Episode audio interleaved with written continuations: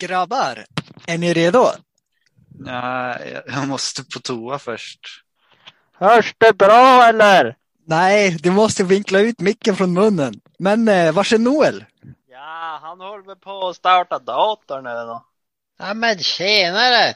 Ja, har ni väntat länge eller? Ja, datorn är lite trög så här. Ja, vi har väntat ett tag, men eh, Adam, nu får du ta och spela in. Okej. Ett, två, tre. Nu kör vi!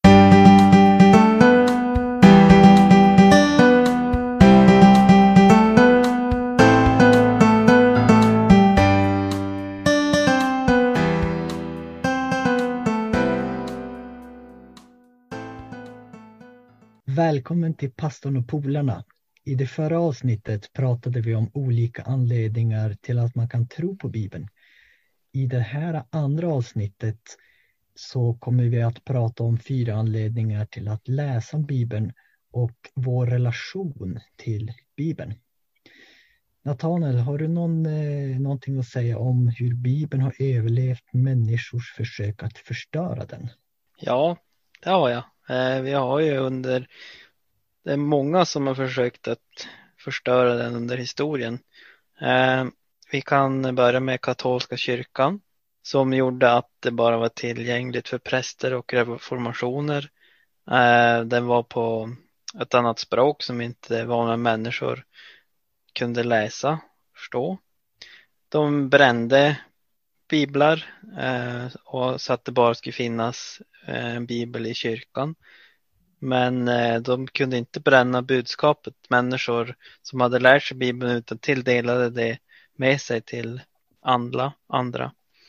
Eh, sen har vi franska revolutionen ehm, som också försökte utrota bibeln. Ehm, och eh, liksom väldigt intressant och finns mycket mer man kan dyka ner i och vilka människor som stod upp för bibeln och och så. Men eh, det här vill vi bara säga med att eh, om nu Bibeln har överlevt alla de här försöken att bli utrotade så är det något viktigt i Bibeln. Eh, Anton, hade du något här mer om nästa punkt? Ja, vi säger ju att Bibeln är också autentisk. Vi nämnde det lite i det förra avsnittet att Bibeln är historiskt korrekt och, och sådana där saker. Men Bibeln är också autentisk och med det så eh, menar vi att, Bibeln den försöker inte försköna karaktärer eller händelser. Utan det som nämns, eh, det lyfter fram det mänskliga. Till skillnad från andra antika skrifter så, så förskönade man berättelsen och man förskönade historien och man Eh, förskönade karaktärerna så att de skulle se fina och inte vara felfria och så. Det gör inte Bibeln, utan den är snarare tvärtom. Och därför blir den väldigt lätt att relatera till som eh, människa. Ja, precis. Det hade varit jobbigt att läsa Bibeln på något sätt om man hade sett att alla hade varit perfekta och sen sitter man här själv och vet att man är långt ifrån perfekt. Ja, precis. Så det är ju lite så. Och sen har vi detaljerna i berättelserna. Eh, en del, ja, de är väldigt svåra att komma på i efterhand. Eh, de är väldigt svåra att efterkonstruera, alltså eh, generellt sett när det, är, när det är så många detaljer som man liksom den som skrev det eller den som upplevde det på den tiden måste ha vetat om det. Och det är inget som konstrueras i efterhand. Det var faktiskt en riktigt bra tanke, jag har aldrig tänkt på det förut. Nej, man tänker inte så, men, men, man, men det är värt att hålla det i tanken också. Och vi har de här breven, det är till exempel en sån grej, de här breven som Paulus i Nya Testamentet skriver till församlingarna. Det är riktiga församlingar, det är riktiga personer och det är riktiga platser och de hade verkliga problem som handlade om just där och då på den tiden. Och nu när vi läser det så gör vi någon, eh, vi tolkar och applicerar det till idag. Men det var först och främst situationer där. Och det gör att, att det, de breven blir väldigt autentiska eh, till, eh, man kan nästan känna att man är där när man läser de här breven. Men eh, vi har mer att säga om att Bibeln förutsäger eh, framtiden. Kan eh, Adam säga någonting om det? Ja, precis. För det är många profetier i Bibeln. Och en väldigt känd profetia i det här med i Daniel 2 som handlade om en bildstod som, som en kung för länge sedan fick. Som gjorde honom väldigt orolig. Ja, och eh, den här kungen, det var ju i Babylon. Och Babylon var ju ett världsrike då. Och den här kungen hade en dröm. Och för att göra en lång historia kort så var det en person, Daniel, som eh, uttydde den här drömmen. Och det handlade alltså om hur olika världsriken skulle komma och gå. Och det började med Babylon, att det skulle eh, eh, falla. Och man trodde att Babylon var det eviga riket. Men att det skulle ha ett slut. Och det skulle eh, så att säga e-, e-, ersättas eller tas över av Medien och Persien som också blev ett stort eh, världsrike och historien går vidare. Nästa världsrike är Grekland med Alexander den store och sen blev det romarriket och romarriket finns det extremt mycket historia om, extremt mycket forskning om som, som ett, ett världsrike. Och det var den här drömmen då som en kung fick och en person uttydde den. Det häftiga med den här profetian är att när man läser i historieböckerna och kollar på de vanligaste metallerna i de här olika rikena så motsvarar de metallerna på den här bilden. Precis, för bildstoden var ju en, en eh, staty och det var indelad i olika metaller. Det var guld och Babylon var ju guld. Det var guld överflöd. Medien Persien eh, var av silver och de hade silvermynt. Eh, Alexander den store i Grekland hade koppar var som koppar och de hade rustning och, eh, och så i koppar och brons. Och så har du järnriket. Och det är romarriket som, som, som kallas för järnriket. Och sen blev det, det efter romarriket blev det inte ett världsrike på samma sätt utan det, tiden gick och vi fick det moderna Europa sakta men säkert och att det är ett splittrat eh, rike och inte kommer att, att eh, ha den här eh, världsrikesstatusen eh, på ett sätt. Eh, men det finns fler profetior också och som, vi kan, som vi kan nämna lite snabbt här.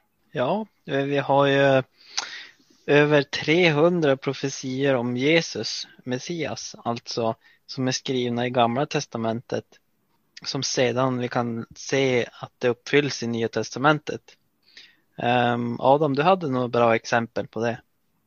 Ja, precis. Vi valde ut några exempel för det hade blivit lite långt med 300. Ehm, till exempel om Jesus så står det i Johannes 19 och 36 att inga ben krossades på honom när han var korsfäst. Och det var alltså förutsagt eh, redan i Gamla Testamentet i en bok som heter Saltaren 34 och 21. Och där får du som lyssnar kolla upp själv. Eh, han skulle bli förrådd för 30 silvermynt och det var förutsagt i Sakarja 11, 12 till 13. Att hans kläder lottades ut Eh, det var förutsagt i Psaltaren 22, 18 och också i vers 29. Och många av oss vet ju att han föddes i Betlehem. Och det var alltså förutsagt av Mika i kapitel 5 och vers 2. Och de här exemplen som du nämnde med eh, de finns framförallt i Matteus, alltså i Matteus evangeliet och det har en liten anledning till det eftersom att Matteus han pekar på just de här vi nämnde. För att hans målgrupp med Matteus evangeliet, som du säger så, är eh, judiska. Alltså det är den judiska målgruppen. Och därför refererar han tillbaka till de gamla judiska skrifterna och pekade på att det var Jesus som var eh, Messias. Därför att de där profetierna som Adam nämnde där, som du nämnde där Adam, är ju om Messias som ska komma. Så det är ingen slump att det är just Matteus som, som eh, pekar på de här. Kan du säga någonting mer Adam om Bibeln och hur den eh, relaterar till vanliga personer? Ja, vår sista punkt här handlar om att Bibeln förändrar personers liv. Det finns en förvandlande kraft i den när man, som man får uppleva när man läser den. Och nu tänkte vi lite gå in på hur vi själva har fått uppleva det i våra liv. Så jag tänkte fråga dig Anton, vad är din relation till Bibeln och hur använder du den? Ja, alltså jag tycker ju, jag ser att Bibeln den är väldigt annorlunda mot andra böcker som man läser. Till exempel att man kan läsa Bibeln, du kan läsa gång på gång. Du kan börja från början och när du kommer till slutet så kan du börja om på nytt igen. Och, och, och fortfarande lära dig nya saker, upptäcka nya saker varje gång.